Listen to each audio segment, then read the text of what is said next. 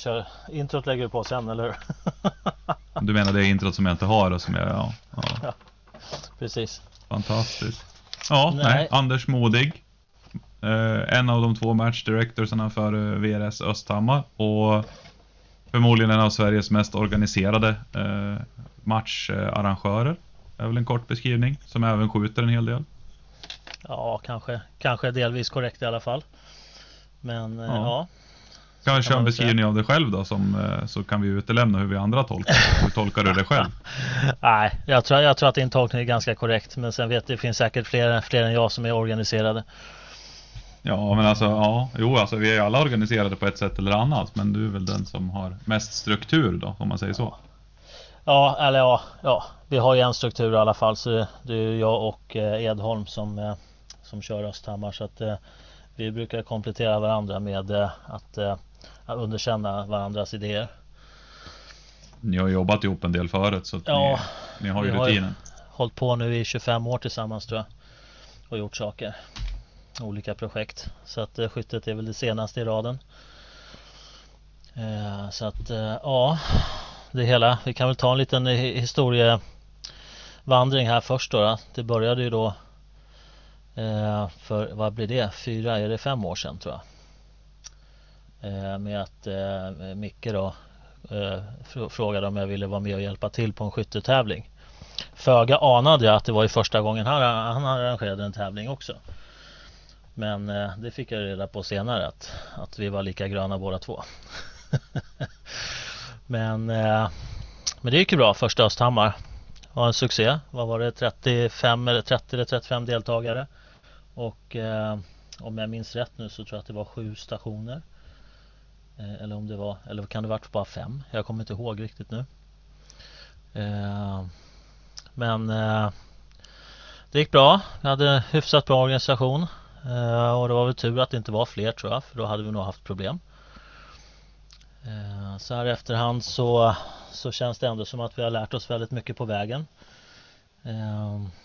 Vi hade, hade ett år som, som inte gick som vi hade tänkt med extremt långa väntetider enligt mitt tycke då. Och i Micke också då. Där vi hade har gjort väldigt krångliga stationsbeskrivningar. Eh, svåra stationer med, med eh, långa procedurer. Och svårt att hitta målen i terrängen. Så att eh, eh det som jag och Micke upplevde som en shitshow var ju kanske inte fullt så illa för deltagarna. Men vi tog i alla fall med oss en, en hel hög med lärdomar, eh, som vi inte, saker som vi inte ska göra i framtiden. Eh, så att eh, eh, året efter då, då gjorde vi, gick vi all in på att, att allting skulle löpa smidigt och att eh, så många som möjligt skulle få så mycket träff som möjligt. Eh, Så att det var väl första året med konceptet det ska vara lätt att träffa men svårt att skjuta fullt.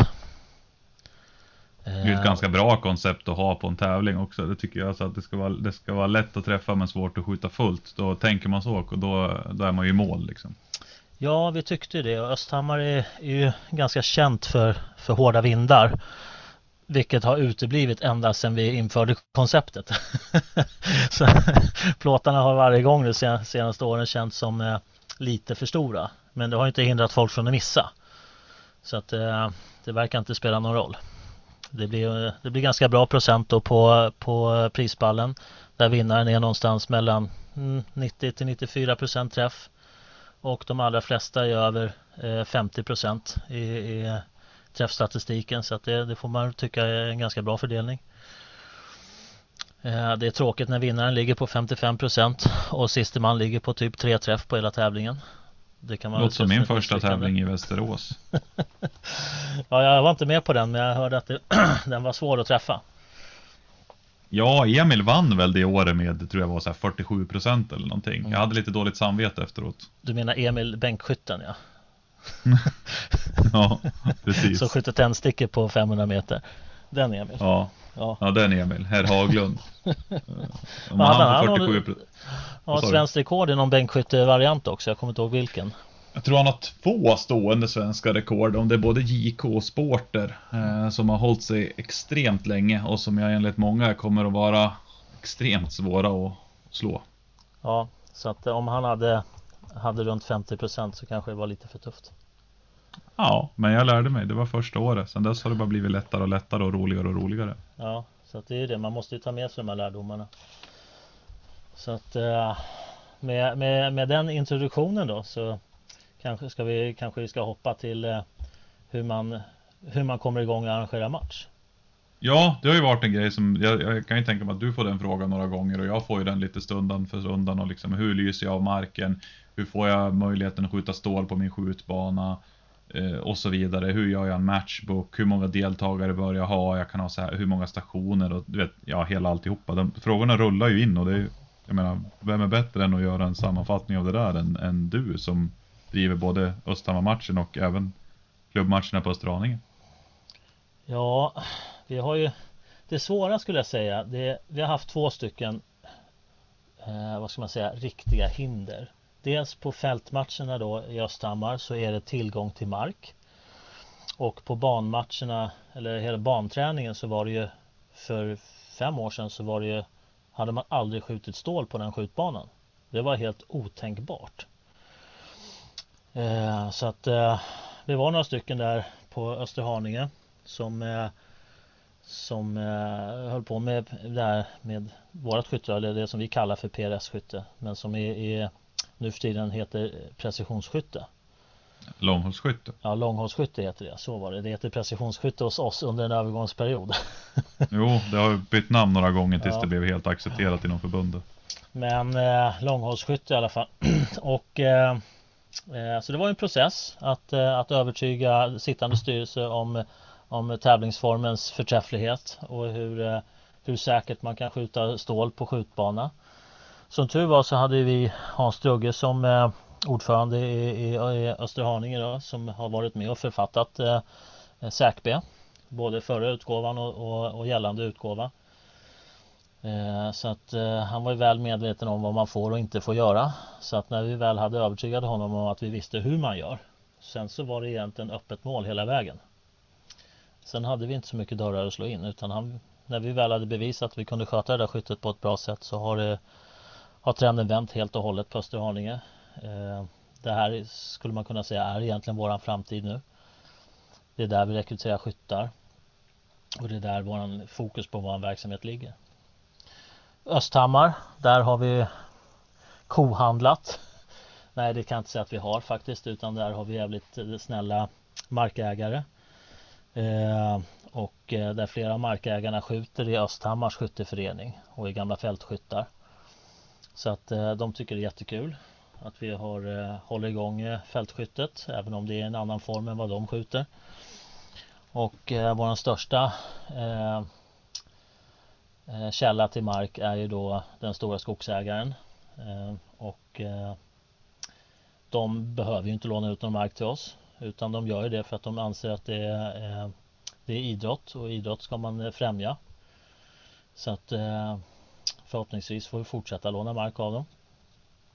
Men det är ett evigt, eh, eh, en evig ångest varje år att försöka tajma marken med deras skogsplanteringar och annat. Eh, så att vi får den luckan vi behöver. Så att vi har egentligen bara en helg där vi kan skjuta. Och det är ju då Eller två helger egentligen. Det är mitten på maj och sista helgen i maj. Där vi har ett fönster där vi kan hålla matchen. Så att Ja, det är väl de två eh, stora som svåra pucklarna att komma, komma över. Skjutbanan, att få tillstånden av styrelsen och liksom få med dem i båten. Och när det gäller fältskytte så är det markägarna. Mm, mm. Sen kommer på sen bara skjutbanan, eh, Ja precis, men skjutbanan där är ju också en av som jag får mycket frågor. Hur, hur ska man rigga för att få skjuta stål på ett säkert sätt på en skjutbana? Och det står ju ganska tydligt i SÄK-B men det kan ju, alltså SACB är ju också en del att det är ju mer ett förslag att det bör göra det här. Men sen hur man gör det, det skiter man i så länge den gör det på, ett, på samma säkra sätt som förslås i boken. Ja, jag skulle vilja säga så här egentligen. Jag som, eh, ja kanske alla inte vet det, men jag jobbar ju bara med eh, risker och säkerhet och, och sånt i, till vardags. Och eh, SÄKB eh, i mångt och mycket så är det egentligen bara en lista på olika risker och förslag på hur man löser sagda risker. Eh, så att gör man som det står i SÄKB så har man gjort så gott man kan. Hittar man andra lösningar som gör samma sak, precis som du säger, då är man egentligen fri att använda dem. Problemet med, med eh, skytte och säkerhet är att så länge det inte har hänt någonting så har man gjort rätt. Men händer det någonting oavsett hur man har löst det så är det fel. så att, så att det, det är liksom det är där är det stora problemet, speciellt på fältskjutningar. Banskjutningarna är inte så stort problem. Fältskjutningarna, där har man fler faktorer som är svåra att kontrollera. Men eh, nya SÄKB i alla fall som vi ska följa då när vi håller på med plåtskytte på bana. Eh, den är väldigt bra beskrivet hur, hur man ska göra och vilka eh, eh, mått och annat som, som man bör hålla sig inom. Och det man ska ta fokus på där det skulle jag säga är studsvinklarna. Dels från plåten och dels från eh, eh splitterskydden. Eh, och eh, det gör man lättast genom att ha eh, eh ett vattenpass med, eh, med vinkelmätning. Då kan man se direkt var den där kulan kommer studsa. Och då vet man direkt om man ser på rätt ställe med splitterskyddet eller på fel ställe. Så att det är ett väldigt bra hjälpmedel som jag använt mycket på, på andra banor när jag varit med och, och arrangerat tävlingar där. På Österhaninge så har vi ett sätt att, att rigga på som, som där splitterskydden i princip står ingrävda i sanden. Och då, då är inte studsen någon jättestor sak att ta hand om längre. Och där är vi på igen efter ett litet tekniskt missöde. Så, så vi kan väl börja där med, du avslutade lite ja. fint där med att, uh, att studsen inte är något större problem där när ni har grävt in målen i vallen. Ja, just det. Det, det man ska tänka på där det är att uh, det, man inte har folk Eh, runt blinderingen då när man skjuter stålmål. Utan att man upprätthåller de riskavstånd som finns spesade i SÄKB. Och att man har tillräckligt då med, med kulfångsyta både i sida och höjd från sina splitterskydd. Det finns också spesat i, i SÄKB exakt hur det ska se ut.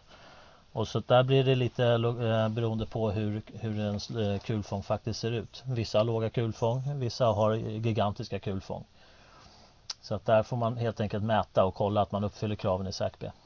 2020 har ju en fin liten eh, bild här Eh, där man ser hur ett kulfång med ingrävt splitterskydd som ett exempel.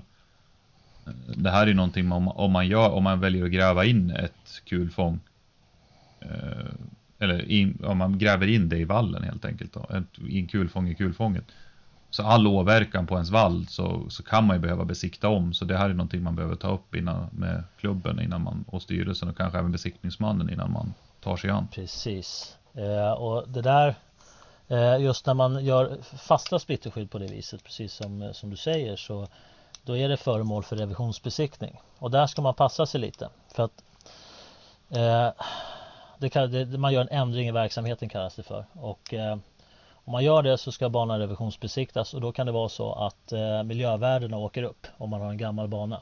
Och då kanske man inte klarar bullervärdena längre. Så att eh, innan man gör, gör alla de här åtgärderna så bör man kolla då vad man har för, eh, för miljövärden på, på just sin egen lokala bana. Generellt sett så är det ju alltid lättast att bara bygga ett splitterskydd och ställa det över basen av, av eh, kulfånget eller vallen då. Ja, Precis så gör ju vi. Vi ställer ju dem på rasskyddet som är precis i höjd med eh, blinderingskanten. Då är de i absolut lägsta läget och då har vi massor med kulfång kvar åt alla håll som eh, tar både studs och splitter mycket eh, väldigt bra.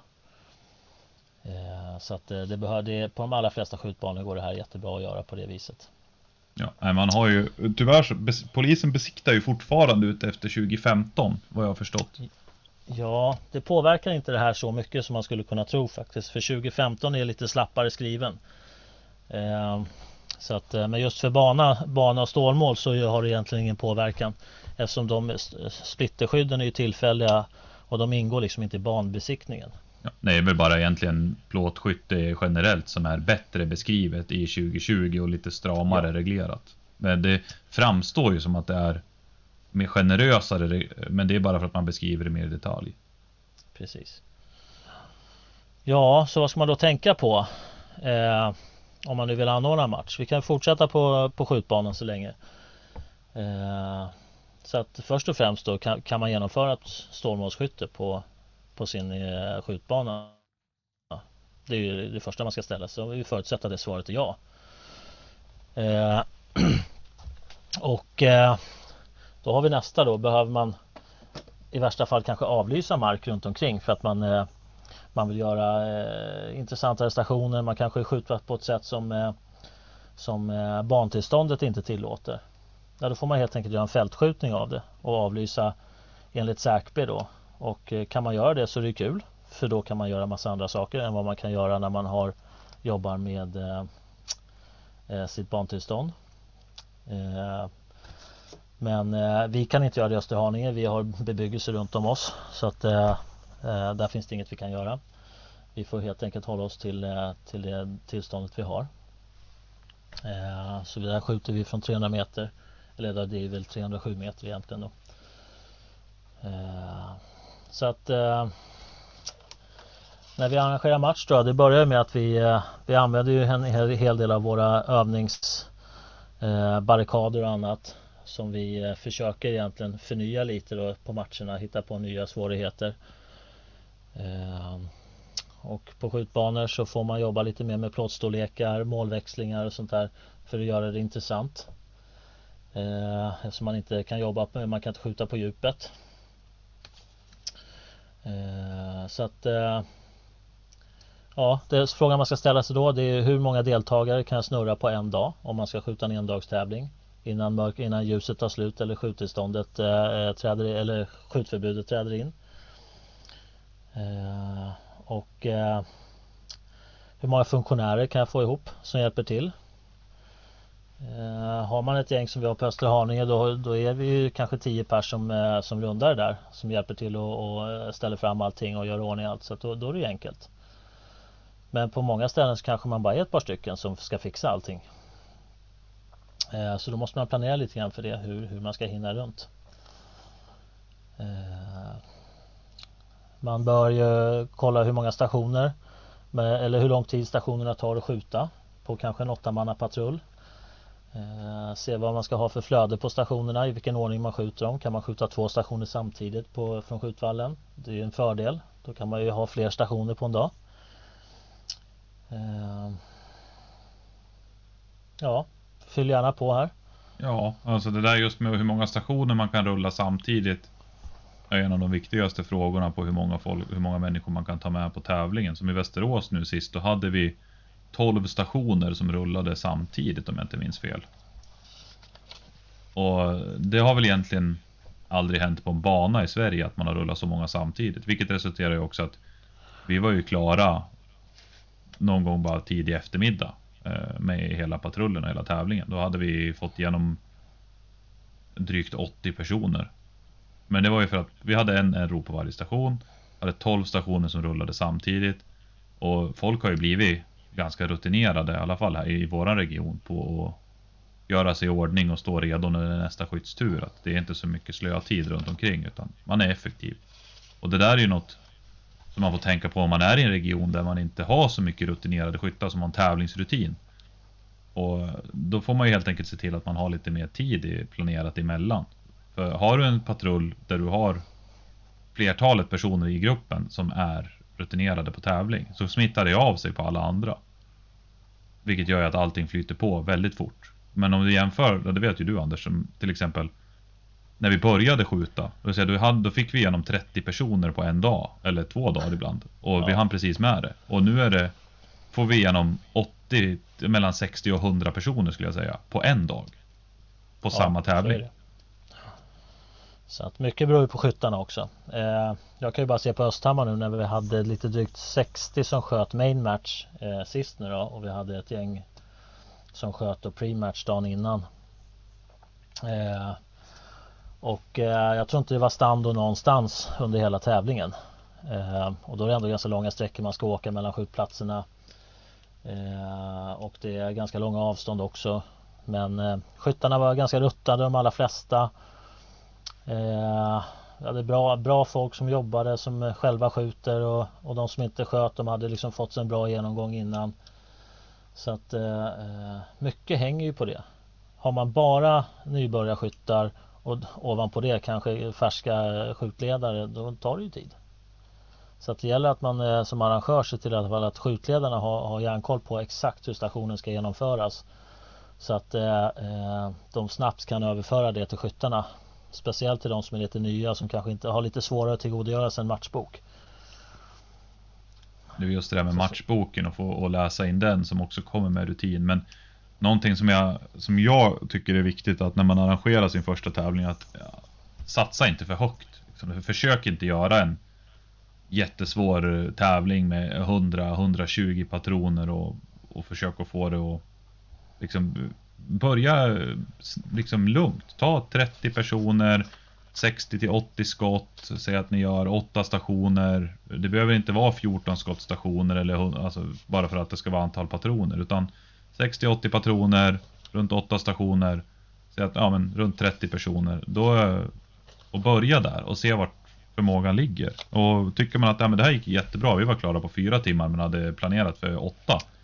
Ja, då kan man ju öka till nästa gång. Liksom. För det finns som, som tävlingsarrangör så måste jag säga att det finns ingenting mer stressande än att se att det börjar bli mörkt och man har flera timmar kvar av att skjuta. Jag kan, jag kan minnas det senaste sista NM som gick där vi sköt liksom när vi knappt såg målen längre. Det kändes sådär. Ja, du, ja i Norge där ja. Ja. Ja, det var, Den, det var svettigt. Det var på håret. Eh, så att den, eh, så vill man inte att det blir. Eh, och då, och då flöt det ändå på bra på den tävlingen. Fatta om det hade ja. varit någonting som gjorde att det blev, alltså att någonting blev en riktig liksom, hiccup som gjorde att det tog tid att göra om någonting. Så att ett, en viktig station, målstället gav vika eller att någonting gick sönder eller och så vidare. Då hade det ju varit mörkt och då hade du fått bryta. Ja, ja, nej, det får inte hända liksom.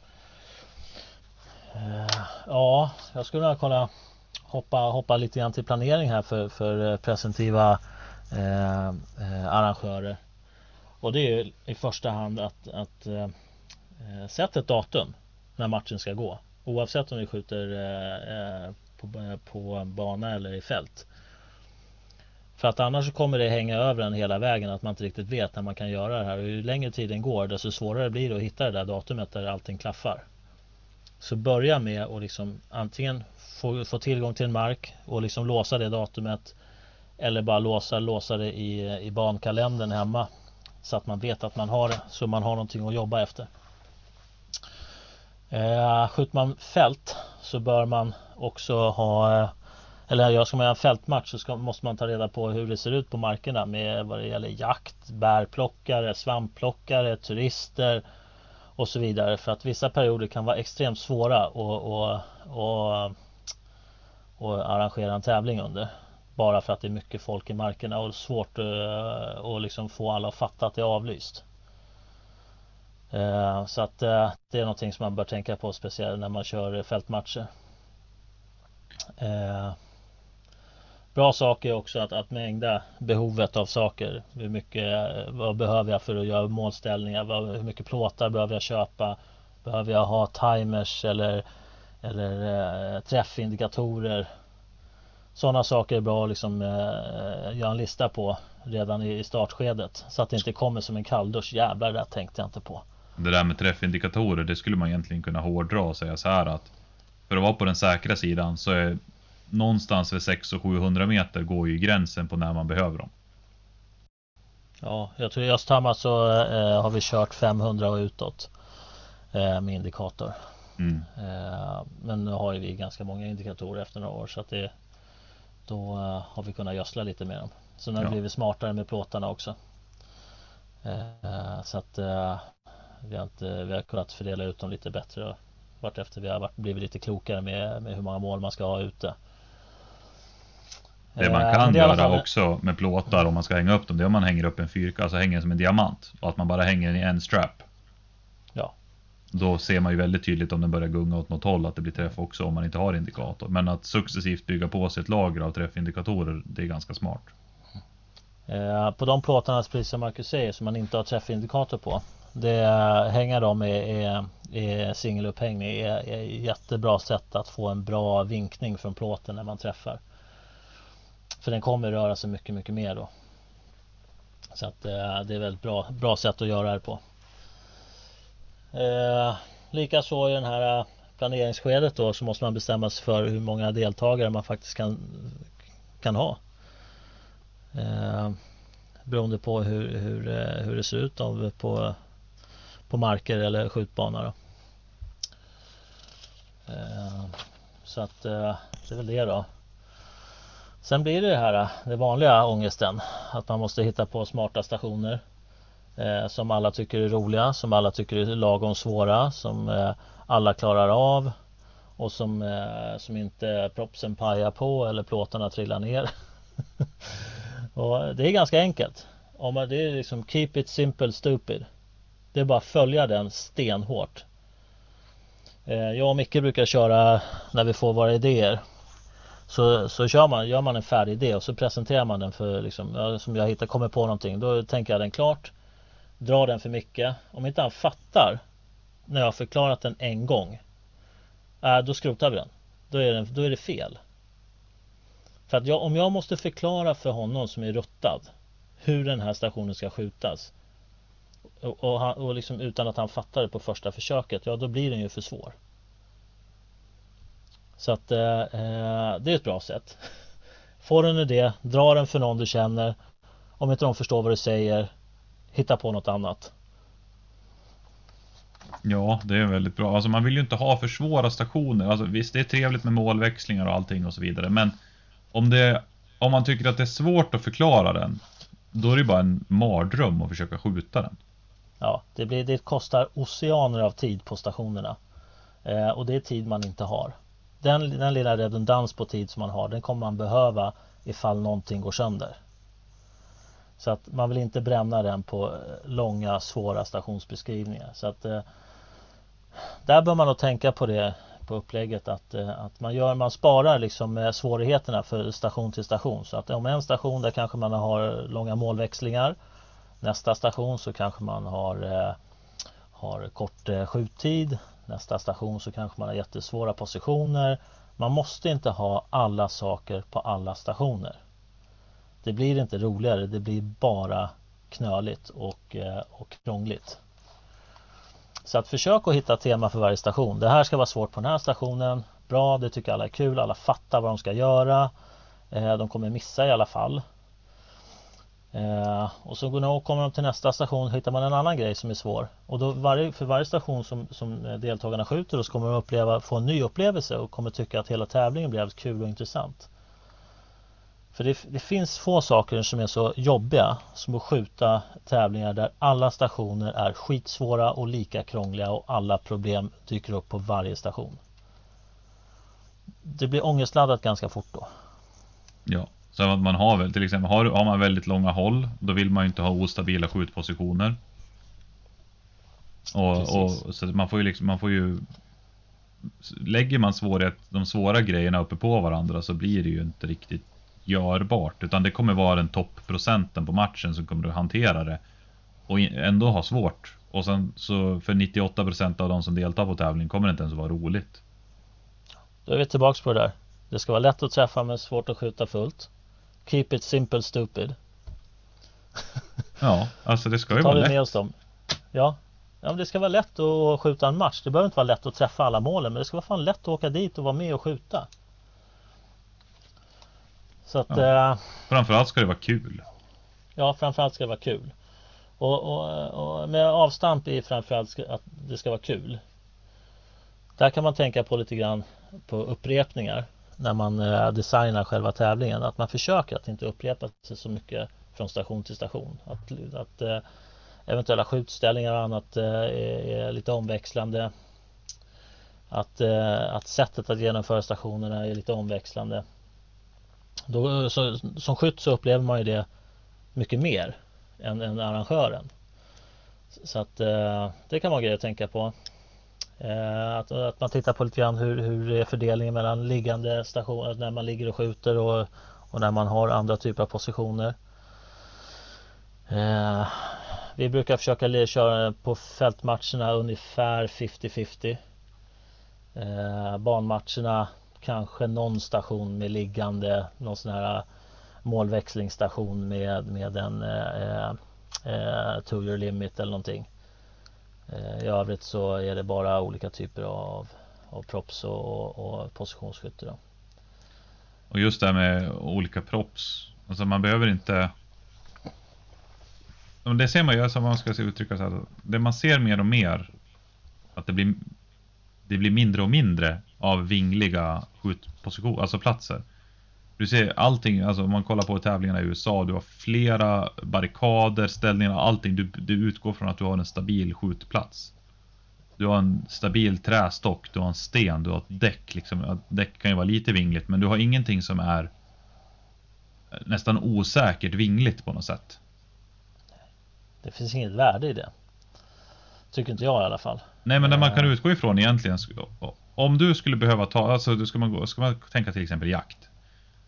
Om du skulle behöva ta ett jaktskott från den här platsen, skulle du kunna göra det? Skulle du kunna tänka dig att använda det här som ett stöd för att ta ett skott i jakten? Och går det bara, nej jag skulle aldrig i helvete skjuta från den där, jag skulle välja stenen där till höger. Alltså det, då är det ju... Man ska inte som... Då har man ju svaret där. Ja, man ska inte som tävlingsarrangör hitta på stationer bara för att jävlas med deltagarna. Att haha, nu ska de minsann få äta skit de där från bla bla bla region. Ja, nej, det, det, det är liksom inget värde i sig att, att, göra så. Det blir bara krångligt skytte. Det är ingen som tycker att det är egentligen kul. Man bara gör det för att det står i matchboken. Lite så. Ja, så att... Eh, Men det här, med, det här med fältmatcher. Eh, när man ska tänka på risker i terräng och avlysning och så vidare. Vad har ni för rutin i Östhammar där? Eh, du kan ju gå igenom ja. lite grann för det där. För, ja, vi som har gjort fältmatcher har ju koll på hur man gör, men vi är ju inte så många. Ja, det som man, det som man får göra nu då. Eh, I med nya SACB nu så har vi ju eh, har man skrivit om den lite. Innebörden är densamma egentligen. Det man har tagit bort är att man kan göra avsteg från det fasta riskområdet. Det fasta riskområdet för, för er som inte vet vad det är, det är området bakom målet. Eh, och eh, det området är ganska stort och långt. Eh, det framgår exakt i Säkby hur stort det är i förhållande till, till olika DMAX. Men men och ska man då ta bort det så ska man ha en ett kulfång som är 1000 mils va? Ja, nu kommer vi in på det där med siffror igen. Ja, siffror igen. Ja, det ska vi undvika eftersom vi inte har Säkby framför oss. Men, men vi låter det vara osagt i alla fall. Då, så, men så att det, det är egentligen den svåraste delen att lösa ut förutom vinklarna då. Så att eh, i säkerhet så finns det väl beskrivet hur, hur de olika eh, riskområdena ska se ut. Eh, och, eller hur, hur, utbredningen kommer att bli då med olika eh, DMAX. Eh, så att eh, för de som eh, aspirerar till att arrangera fältmatcher skulle jag föreslå att man, man läser de här avsnitten noga och så att man faktiskt förstår vad som står där. för att och sen sätter man, man sig med en karta och så bara okej okay, här har jag mina skjutplatser. Där, härifrån kan jag skjuta och där kan jag ställa mina mål. Hur, hur, om jag lägger på den här, eh, de här eh, riskområdena då, klarar jag då att genomföra den här skjutningen på ett säkert sätt? Om inte, då får man hitta andra vinklar eller andra områden. Eh, och eh, det, det, finns en svårighet att arrangera fältmatcher om man inte har tillgång på, till, till bra marker. Och det, det, den är svår att runda för att riskerna finns ju där. Ja. Men våran rutin i alla fall då. Den ser ut som sån att vi först och främst försöker vi kolla ut då marker i närområdet där vi känner markägarna. Eh, och eh, kolla om de har några marker som, som funkar för det vi vill göra rent säkerhetsmässigt.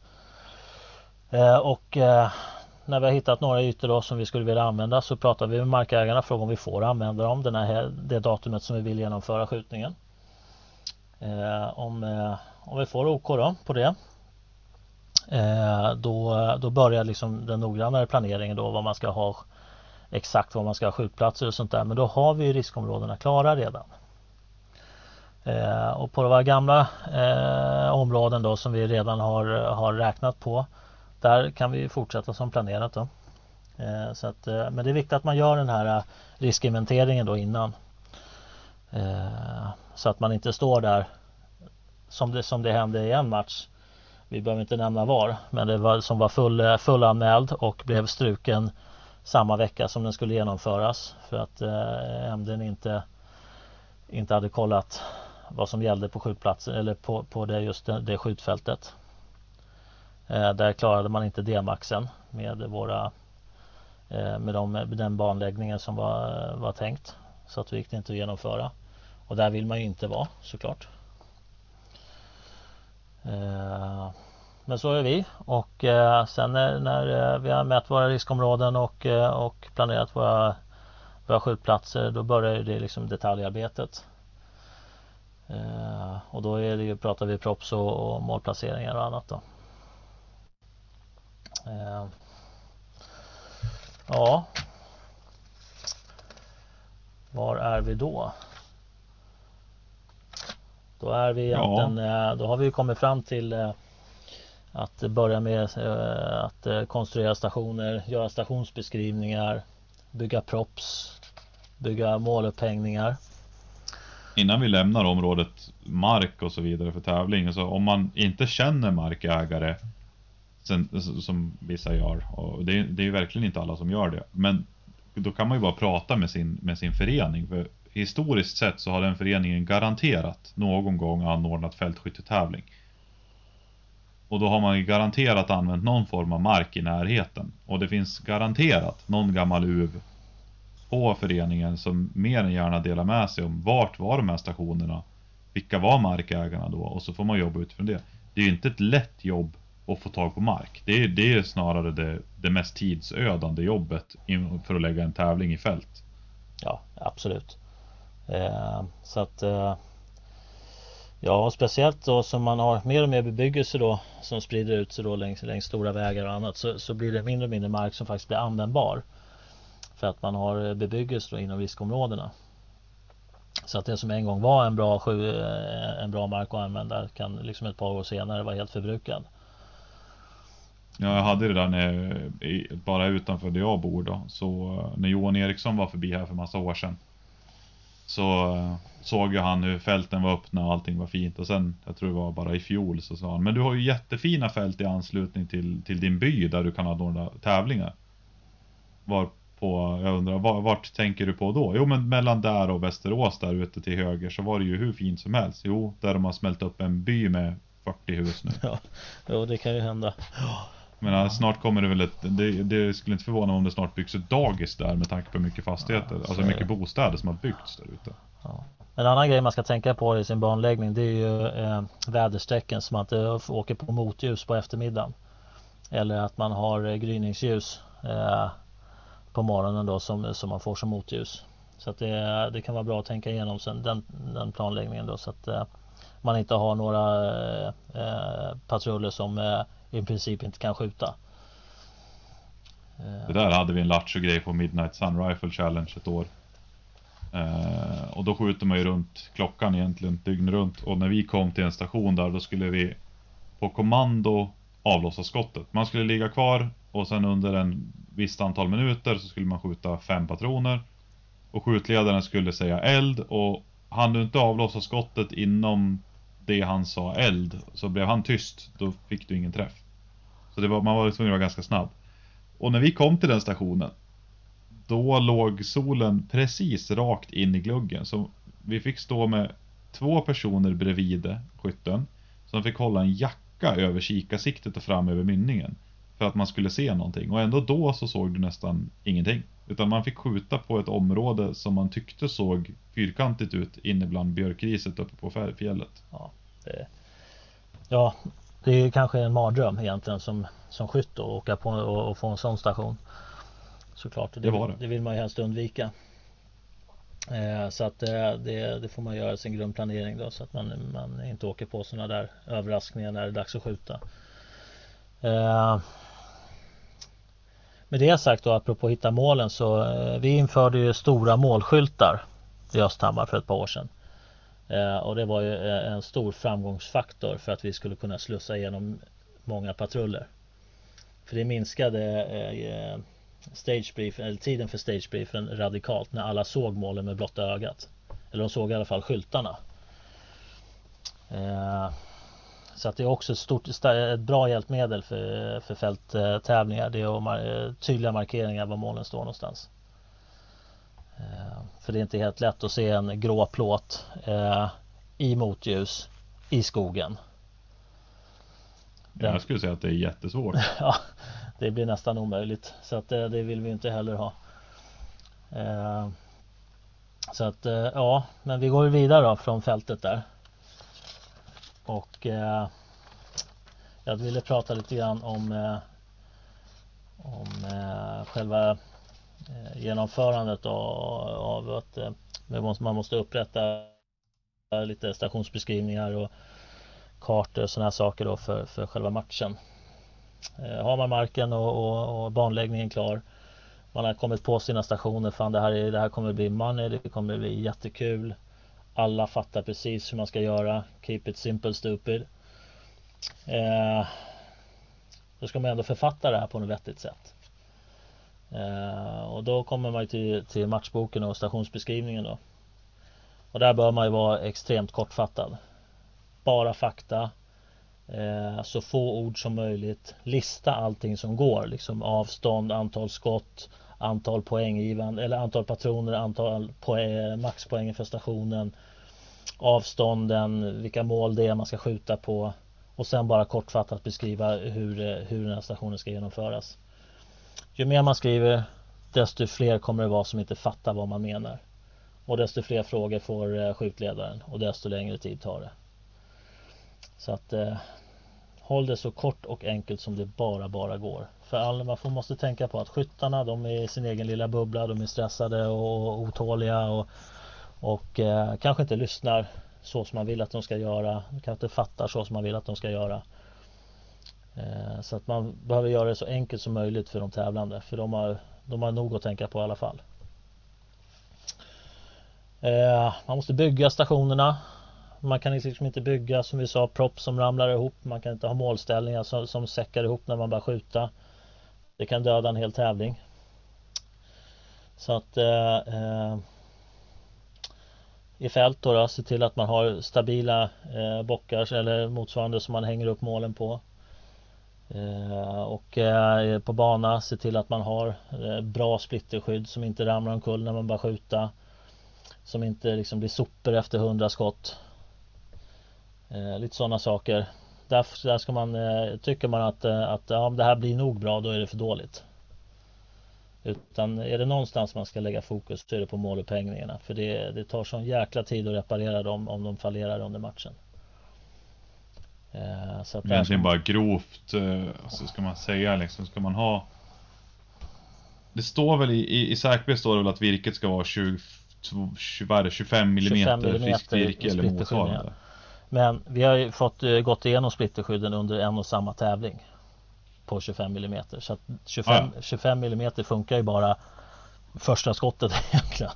Så att man bör ju då sko sina splitterskydd med någon form av gummi, gummi inuti då. Antingen eh, att man klär dem med bildäck på insidan eller har någon form av, transportband eller något som kan fånga upp splittret. För träet äts igenom ganska fort.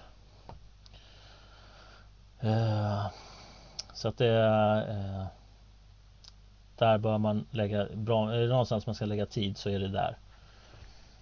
Eh, det är viktigt. För en tävling blir ju förstörd rätt fort om det börjar rasa plåtar överallt. Både för tiden och att det blir väldigt frustrerande och tråkigt för skyttarna. Ja. Och när det gäller fältmatcher framförallt eh, där bör man göra någon form av uppskattning eh, hur lång tid det kommer ta att sätta ut alla målen och, och, få ut alla, alla grejer som ska till för skjutplatserna. Eh, det är inte ovanligt att en station tar en dag att göra klart för två pers. Eh, så att eh, eh, det tar tid allting. Det ska preppas mål, det ska byggas ställningar, det ska köras ut och bäras i terrängen, det ska skruvas och det ska, man ska därifrån, man ska bygga Allt det här tar ju tid. Man går till skjutplatsen, man lägger upp bössan, man kontrollerar, ser att det står en liten gran i vägen, man får springa 900 meter längre ner, ta den granen. Det är ju så, så att, eh, och där kom det in på en annan viktig sak och det är att torrköra alla stationer innan man liksom eh, släpper dem för, för tävling. För annars så kommer den där grantoppen sticka upp där. Så är det ju. Eller den där jävla stubben eller någonting. Så att eh, vi brukar köra det. Vi torrkör stationen eh, med timer. Eh, man behöver inte ha något vapen med sig. Det räcker med kvastskaft. Det spelar ingen roll. Bara man gör det. Så att man får liksom en känsla för hur det här kommer se ut i verkligheten. Eh, så att, och hur lång tid stationen kommer ta om det är rimligt och, och ha de tider man har valt. Eh, man får en känsla för hur propsen känns så att man inte tippar omkull dem eller någon jävla tunna rullar iväg eller någonting. Eh, så att eh, det är någonting som man inte ska, ska liksom hoppa över det momentet.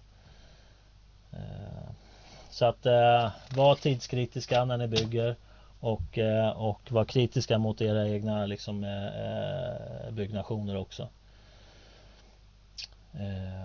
Ja, jag kommer då osökt in på val av mål och målstorlekar.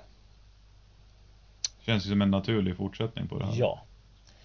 Eh, praxis skulle jag säga. Liggande skytte. Eh, mål som är eh, en halv mil. Och skytte från olika typer av position 0,7 till 1 mil.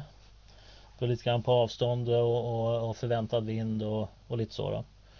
I så har vi varit ganska ganska eh, konsekventa halv och helmil beroende på position. Och eh, det upplevs ofta som ganska stort. Men folk lyckas ju missa i alla fall. Så att det, det verkar inte vara ett problem att missa fort nog. Fast vi har generösa plåtar då. Så att eh, det finns gott om tävlingar som har mindre plåtar än våran tävling och då missar man ännu fortare. Så att det, det, verkar inte heller vara ett problem. Men jag, jag skulle rekommendera eh, eh, halvmil på liggande och eh, någonstans runt 0,7 till 1 mil för, för positionsskytte beroende på avstånd och, och hur svåra positionerna är. Känns som en ganska bra tumregel ja, att köra på för att, hel och halv mil. Jag brukar köra det ganska också, antingen halv och 08 eller halv och hel. För, de som tycker att det är att fasen nu vill jag den här stationen ska vara jäkligt svår. Vi ska ha ett jätte, jättesmå mål. Tänk då på att de allra flesta som är med och tävlar har en egen spridning på kanske 0,1 till 0,2 mil. Eh, så att börjar man göra målen väldigt små så det, kommer man få väldigt många missar bara på att systemen inte skjuter tillräckligt bra. Eh, alla kan inte dyka upp med bänkskyttebössor liksom, det funkar inte. Så att det, det, ska man tänka på att det finns, finns eh, man behöver inte gå ner sådär jättemycket i målstorleken. På skjutbanor 300 meter där finns det möjligheter att gå ner liksom i, i plåtstorlekar. Eh, man har inte samma vindpåverkan så att det blir lite lättare att träffa små mål då. Eh, så att, eh, Men det är fortfarande på, på 300 meter så det räcker ganska långt att ha Alltså för liggande skytte runt en 10-15 cm ja, plåt. vi har aldrig haft under 10 på en tävling. Nej. Eh, och då, 10, det, då klarar man, man de allra flesta klarar det på sin egen spridning. Men man får ändå värdera det, speciellt på fältmatcher. Vad har man för förväntat väder? Vad har man för andra förutsättningar på just där man har sina egna marker då?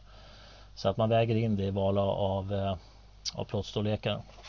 Det är svårt att ha för stora plåtar, så ska vi säga. Ja, ja. Eh, sen har vi det ofrånkomliga, det här som måste göras, administrationen. Man måste upprätta score sheets och, och eh, stationspermar och och eh, man, måste, man bör skriva en matchbok och skicka ut i förväg. Det är roligare för de som deltar om de hinner förbereda sig. Det finns många tävlingar som inte har där man inte skickar ut någonting. Men vi gör det och eh, övriga eh, matcher då i VRS-serien i alla fall, där skickar man ut matchböcker. Eh, jag tycker det är jättekul att få den någon vecka eller så innan och sitta och bläddra i och planera. Eh, man bör eh, bestämma sig för vad man ska ha för olika för resultatlistor. Om man ska ha, använda sig av Practice Score, SSI eller om man ska köpa papper och Excelblad. Men eh, det är dumt att sitta med bara papper och sen sitta och handräkna allting det sista man gör för det tar oceaner av tid Och sitta och sammanställa alla scorerna om man ska göra det manuellt. SSI körde vi i Västerås sist här nu och det var ju fantastiskt smidigt att varje skjutledare bara Man kollade bara poängen och så signerar man och sen när matchen var klar, då, då var den klar. Poängen var färdigräknade. Ja. Vi gick bara igenom det lite snabbt. Jag tycker det funkar eh, och, jätte, jättebra med SSI. Eh, ja. Norrlänningarna och de här som bor eh, längst upp mot eh, Norges gräns. De är, vill göra gällande att de har för dålig internettäckning där för mobilt bredband så att de, de tycker att det laggar för mycket. SSI kan man i alla fall skriva ut score sheets Eh, på papper som man kan eh, skåra på. Sen så kan man ju sitta och mata in det där efteråt då i, i SSI. Det tar en jävla tid. Men det går att lösa på det sättet också. Eh, Practice score funkar också men det har liksom ingen live-scoring på det sättet som man kan göra i SSI. Eh, SSI eh, utan att och, och, och, vad heter det, låta som att jag saluför SSI så har jag ändå använt det en hel del både i, inom det här skyttet och andra skytteformer. Och jag tycker ändå att, att eh, bortsett från den eh, svår, svårt med uppkoppling på vissa ställen i Sverige så tycker jag att det fungerar extremt bra när man kör matcher. Eh, man kan göra allt där. Liksom, du kan planera matchen, du kan ta betalt och, liksom köra anmälningar och score sheets, resultatlistor, rubbet.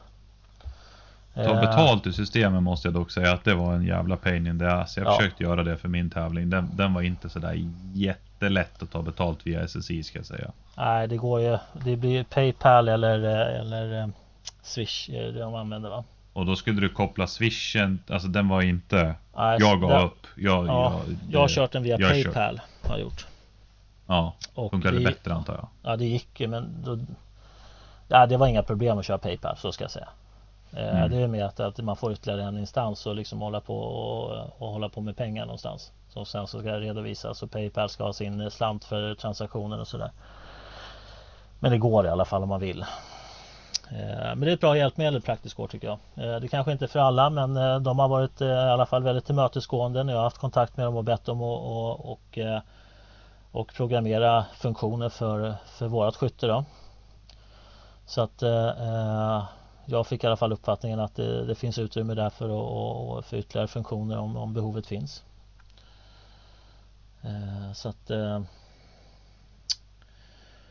om Vi har någon liten tävling här sen Anders. När man, eh, alla som räknar antalet så att eh, kan ju vinna någonting kul. Ja. ja, varför inte? Eh, prisbord då? Vara, men...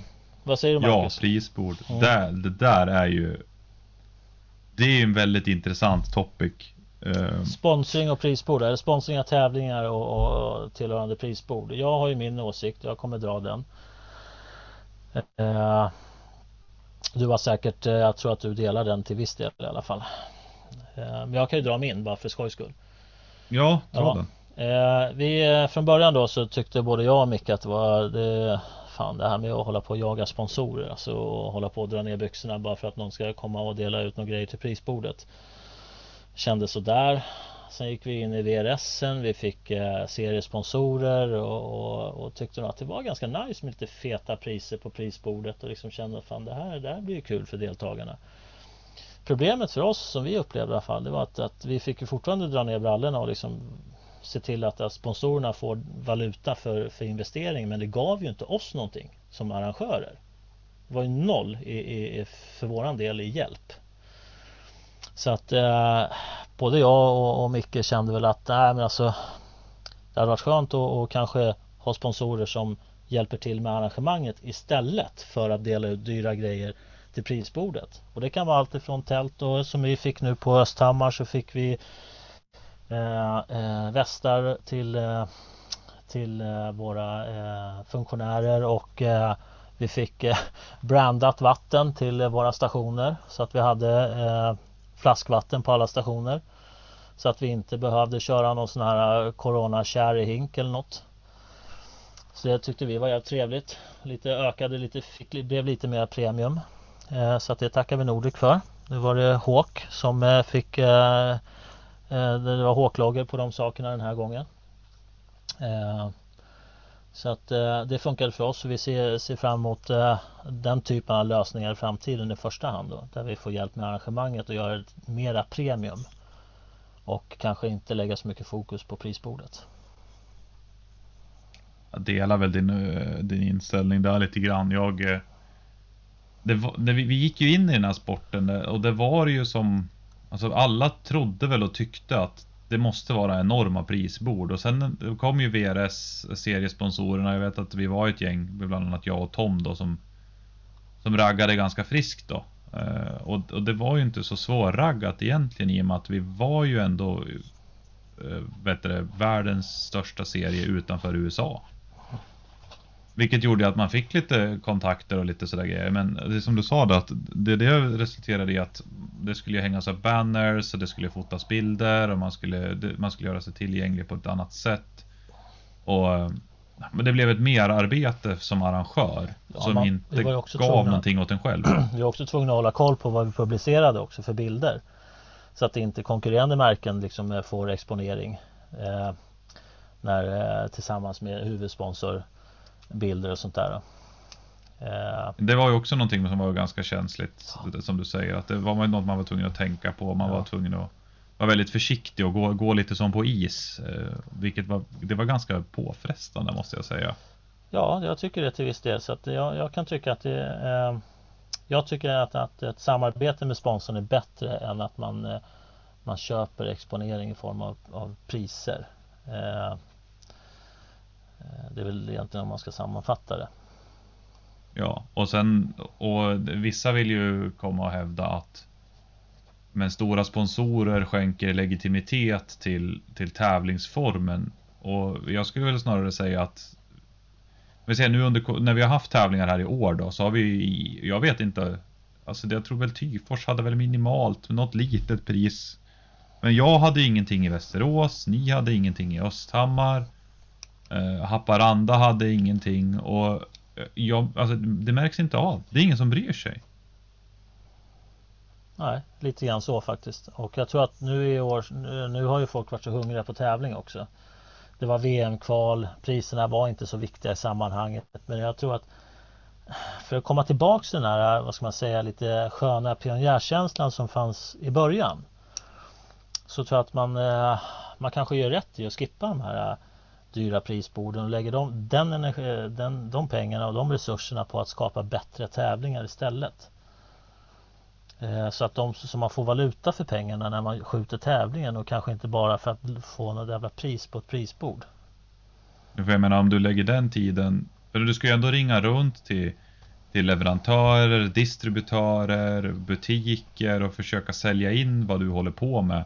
Och nio gånger av tio så vet de inte vad de håller på med. Så får man dra en förklaring och varför man ska ha gratis grejer och vilken exponering de kan få, vilket... Ja, hela den biten. Och lägger man som du säger den tiden på att göra en tävling bättre så får ju 80 personer roligare istället för att fem personer får någon gratis grej som inte egentligen har något faktiskt värde ändå. Egentligen. Alltså det är någon enstaka grej som har varit riktigt sådär premium men på bekostnad av vad? Ja, nej men ta bara det här som, som att vi får låna låna målkikare från, från Nordic då till, till de matcherna som vi kör. För oss är det skitvärdefullt. Vi skulle aldrig kunna köpa den här optiken för att ha som målkikare. Det går ju inte. Nej, och tidigare år så fick vi, det var ju Swarovski, eh, har ju varit med flertalet ja. gånger och bjudit på optik. De har ju skickat ut optik för Alltså sammanlagt så måste vi ha fått grejer för flera hundratusen ja. utskickade. Alltså det stoppar ju inte. Det är en Nej. årslön som har kommit i form av tubkikare. Ja, bara de två som jag hämtade då till eh, Eller var det tre jag tog med från, eh, från Swarovski till eh, Tyfors ELR, första ELRen där. Ja, det var ju, det var ju glas i 50 000, 50 000 kronors klassen. Ja, och det är tre och som mest har de väl skickat ut en fem, tror jag, sex stycken som ja. mest. Och sen har de ju med ett hand, handkikare och jag tror det var fyra eller fem tubkikare, handkikare. De har, alltså Swarovski då, har ju varit historiskt sett väldigt generösa med att låna ut optik till de här ja, tävlingarna. Vilket vi uppskattar. Ja, verkligen. Och det har ju varit en sponsring som har varit värd sin vikt i guld. Ja, det som, så, och den, den ger ju också dem ganska mycket för att de får ju bra exponering till, till rätt kundkrets.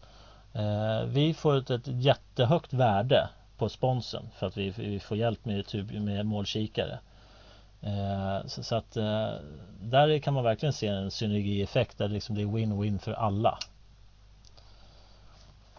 Ja och som eh, och sen stå där som, som RO eller observatör då och, och få kika i en en sån här, vet du, vad heter de här med, med dubbla ögon? Ja, jag kommer inte ihåg vad modellen heter nu men det Sen är man ju förstörd för livet, då kan man aldrig köpa någon tubkikare sen Nej, det är, helt- man är helt paj. Det är så här, man tittar i de där och jag vet att det blev tjafs någon gång på en station på 400 meter i Västerås. Och om det var träff eller inte, där skytten gnällde bestämt att det var visst ett träff. Men spotten menade på att nej du, det var det, det, var det minsann inte. Och, och skytten var så bestämd att man blev nästan, men herregud liksom. Och sen fick ju skytten gå upp och titta i tubkikaren när någon annan sköt sen. Och då släppte alla klagomål, det bara, ah, okej, det, det var ingen träff. För då såg han liksom att det var som att stå och titta en meter ifrån plåten. I, liksom, det var så skarpt. Då var det färdigklagat liksom. Nej men det var ingen träff, jag förstår. Jag förstår att du ser med den här. Ja, jag kan säga det apropå det så är det många som tror att, att plåten darrar när, när man träffar bandet. Ja, Ja, nej. Om Man plåten, ser det om plåten rör sig så är det en träff. ja. Den kommer man in- ser det i en tubkikare. Ja, men sen är det det. Vi plockade in våra målställningar på en, en av 900 meter stationerna på Östhammar sist. Och de, de är gjorda i, i stålrör, de ställningarna. Där har vi alltså sm- små fladdrande 6 mm kulor som har skärt igenom de här stålrören som om det vore liksom en varm kniv genom smör. Så att, att, eh, att ett tygband skulle få plåten att röra sig när kulan passerar igenom, det är helt orimligt.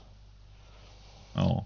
Ja, jag har även testat det liksom, och provskjutit bara på banden för att se om det händer någonting. Men det rör sig noll.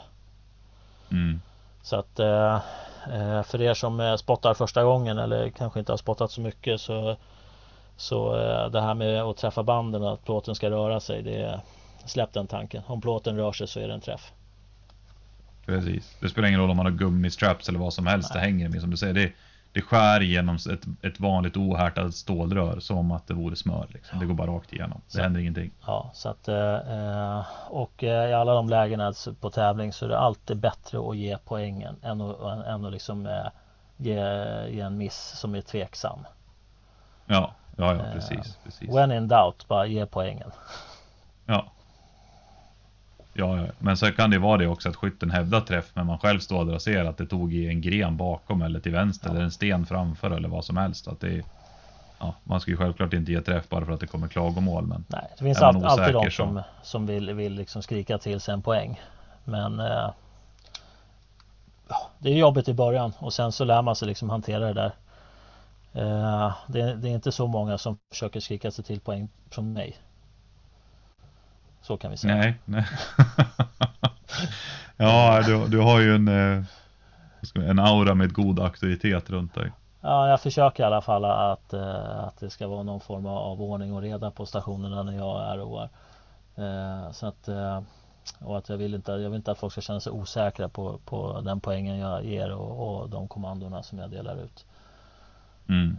Så att det kan vara, det är bra att, att försöka liksom öva hemma på banan, vara så skjutled så mycket du kan när du är hemma och tränar så att när ni eh, deltar på tävlingar på kanske kör pre-match och, och jobbar eller om ni, ni arrangerar eh, att, man, eh, att man då kommer dit och liksom känner sig helt bekväm och skjutleda. Ja, ja. Ska vi gå in på det där med sponsringen igen? För jag känner inte Ja. att det riktigt blev klart Vi kör på där. Nu har ju inte jag hand om sponsringen från Nordic där jag nu arbetar utan det har ju Erik hand om så jag har ju inte så mycket att, att säga till om där utan det är hans bord. Så nu talar jag i form av arrangör. Och eh, det viktigaste jag känner där det är att man att man inte binder upp sig på något sätt långsiktigt. Alltså att, ja nu fick du de här dyra grejerna till prisbordet och nu ska vi, du ska nu göra det här så här lång tid framöver. Utan det viktiga är att sponsringen täcker sig över tävlingen. Och att man inte är uppbunden på att göra någonting annat som arrangör. Bara för att du fick det där jättefina grejerna till prisbordet. Som sagt, du fick ju förmodligen ingenting för det. Och fick du hjälp till tävlingen så är det jättebra. Och, men man ska, bara, man ska vara försiktig för att, om man får en deal med massa fina grejer på, och man måste liksom what's the catch liksom? Vad vill de ha av dig? För det de gör, alltså det man som företag gör när man sponsrar är att man köper ju någon form av marknadsföring. Ingen ger ju någonting gratis. Nej, det där är ganska viktigt faktiskt för att man vill inte stå där liksom nästa år och så bara, men du har ju fått alla de här grejerna nu. Nu vill vi att, nu vill vi ha, eh, döpa två stationer och bestämma hur de ska se ut. Um, Okej. Man vill inte vara i den situationen att man, man, eh, man står där något år eller två senare och fortfarande är, är liksom fast i ett sponsoravtal som är för egen del förbrukat. Utan eh, man ska nog försöka att begränsa det där till varje tävling precis som du säger. Att nu har vi gjort det här tillsammans, bra nu det är över, kul. Och så går man vidare. Ja, precis. Och, och är det så att man har långsiktiga avtal fortlöpande liksom som, som sträcker sig under en lång tid så ska man ju ha det jäkligt klart. Det ska ju vara, det ska ju vara riktigt klart vad det är som gäller. Och, och vad det, vad sponsorn kommer att ge dig för framtida tävlingar, för stöd i arrangemanget. Och bara, det som vi tog upp där tidigare, och bara ta emot dyra grejer till ett prisbord och sen stå och arbeta med marknadsföring. Det enda det gör är att det tummar på hur bra tävling du orkar göra. Ja. Ja, nej, då är vi tillbaks på det där. Om man ska ta spons så bör man liksom överväga vad det innebär. Försök att sikta på att få hjälp med tävlingen snarare än att hjälpa till att fylla ett prisbord. Ja. Det är mitt råd i alla fall om jag ja. ska ge något. Försök att få sponsring med till exempel plåtkostnader, bultkostnader, upphängningar, material till stationer.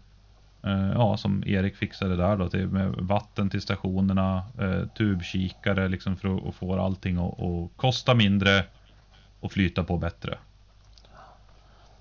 Eh, jag kan säga så här också, det lönar sig att, att söka lokalt. Eh, vi lyckades ju få eh, målplåtar gratis.